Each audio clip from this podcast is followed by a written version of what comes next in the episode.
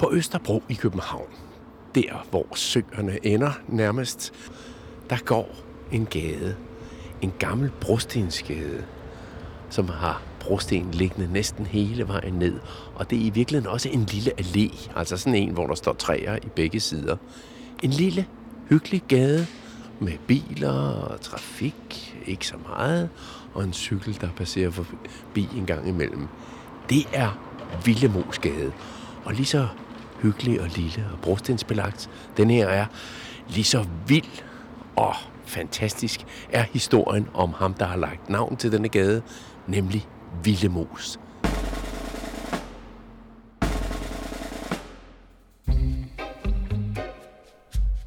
Det her er historien om en sej ung gut, som skulle kæmpe mod den største søhelt af dem alle. Og den unge gut havde ikke engang et ordentligt skib.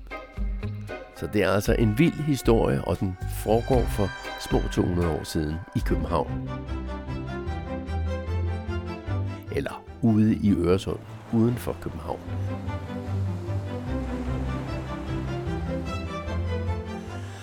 Derude var englænderne på det tidspunkt kommet med en masse store krigsskibe. De ville slås med danskerne. Og på et af de store skibe, Elefanten hed, stod den engelske søhelt Nelson. Han var kendt og frygtet i hele verden som en af de bedste søhelte.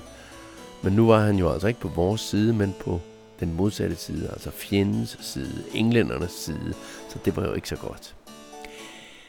Det ret seje ved Nelson var, at han rent faktisk led af søsyge. Altså han blev syg, når han sejlede, og så alligevel var han søhelt.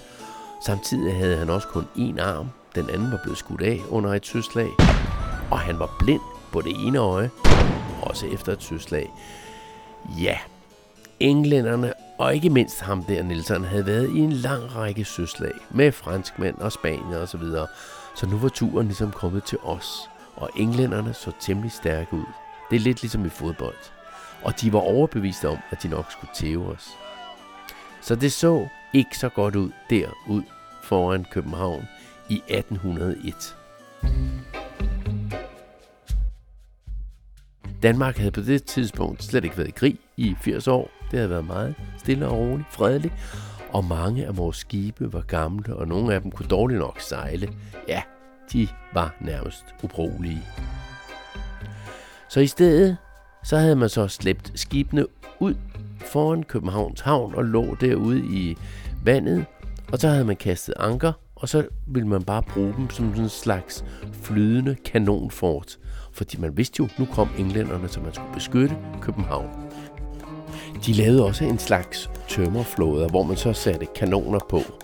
Og tømmerflåden slæbte man så ud i havet uden for København. Og her kommer den 17-årige Peter Villemos ind i billedet. Han var bare en stor gymnasiedreng, og selvom han kun lige havde fået sin uniform og aldrig været i kamp før, så fik han sådan en tømmerflåde med kanoner på, som han så skulle være leder for. Og dem, der skulle være på tømmerflåden, det var almindelige københavnere. Englænderen skal have. Hunde, hvad skal der her? Så? Øh, okay, jeg får lov. Jeg vil også godt være med. Jeg med. Der var en masse københavnere, der godt ville være med på sådan en kanonbåd. Der var ikke særlig mange soldater og søfolk i Danmark, så man kunne bruge alt fra bønder, fiskere, håndværkere og tjenestefolk, og de ville alle sammen gerne slås for Danmark. De blev kaldt træskohelte, fordi dengang gik almindelige mennesker mest med træsko. Men der var nok ikke særlig mange af dem, der vidste, hvordan man skulle skyde med sådan en kanon. Så Peter Villermus skulle jo lære sine over 100 folk, hvordan man gjorde det hele, helt fra bunden af. Nej, nej, nej, nej, den anden vej. Det er ikke mig, I skal skyde. Husk nu, krudtet må ikke blive vådt. Og det var der ikke særlig meget tid til, for englænderne var jo på vej ned igennem Øresund på vej mod København. Så Ville Moses kanonbåd med cirka 100 mand blev slæbt ud i Øresund ud fra København og kom til at ligge lige over for ham der, den søsyge engelske søhelt med en arm og et øje, Nelson. Og så bragede det løs. Nelsons skib, Elefanten hed det, fordi det var sådan et stort skib og havde 76 kanoner. Seks gange flere kanoner end Villemoses lille flade kanonbådsbram. Det var lidt ligesom et miniputhold møder et voksenhold, og så endda det engelske landshold.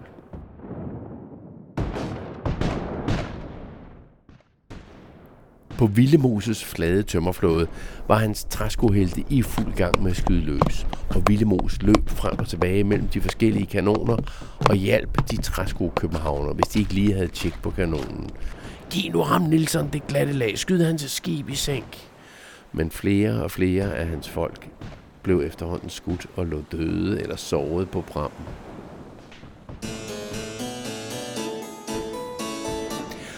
Så var det, at englænderen Nelson fik at vide af sin chef, fordi Nelson var nemlig ikke chef, han var kun viceadmiral, chefen hed Sir Hyde, at chefen sagde, nu er det nok.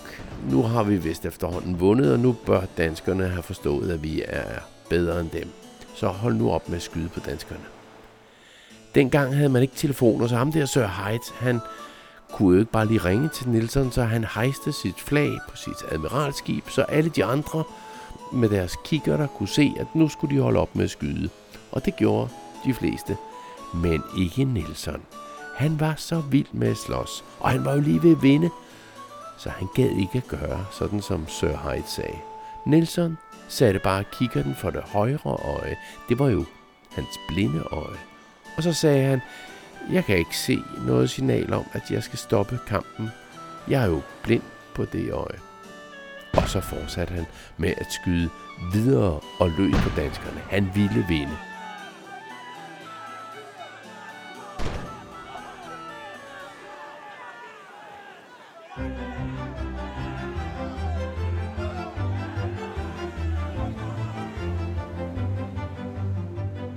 Nå, Villemos fik dog reddet sin tømmerflåde Pram og sine mænd væk, inden at de alle sammen blev slået ihjel.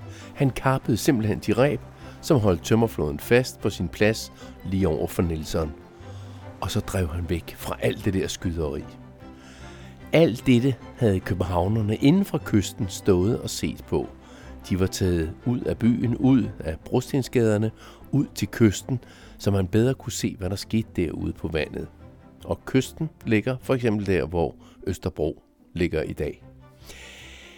Danskerne havde efterhånden forstået, at slaget var tabt, og da Nelson så bagefter skulle mødes med kronprins Frederik, altså ikke ham, der I kender i dag, der var også en kronprins Frederik dengang, og da Nelson skulle mødes med ham for at skrive under på, at de ikke skulle slås videre, så sagde Nelson, ham der Ville Mos på den der kanonbådspram, han bør udnævnes til admiral. Han kæmpede virkelig hårdt.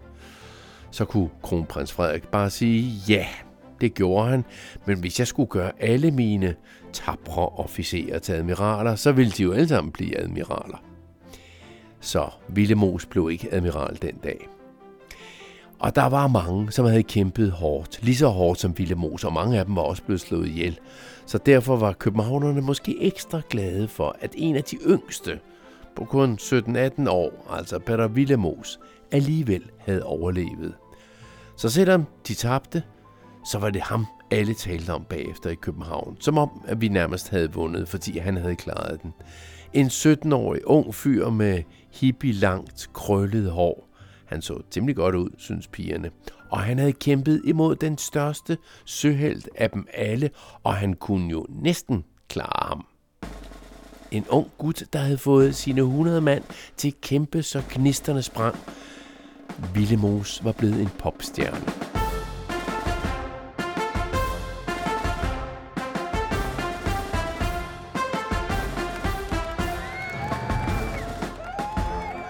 Han blev inviteret til smarte fester i København. Der blev lavet tegninger af ham og senere malerier. Og der var sågar nogle piger, som samlede penge ind til at købe en sabel til ham. En rigtig sabel. Dengang i 1801 var der ikke X-Factor, olympiske lege, YouTube eller popmusik, hvis man skulle blive kendt i Danmark. Nej, dengang der var det krig og søslag, man kunne blive berømt i. Og derfor blev Villemos berømt, og derfor er der også senere blevet opkaldt gader og veje efter ham. Og da man skulle finde en god gade på Østerbro i København, så valgte man en af de brostensgader, hvor københavnerne jo havde stået og set hele slaget dengang i 1801. Det er så Villemosgade.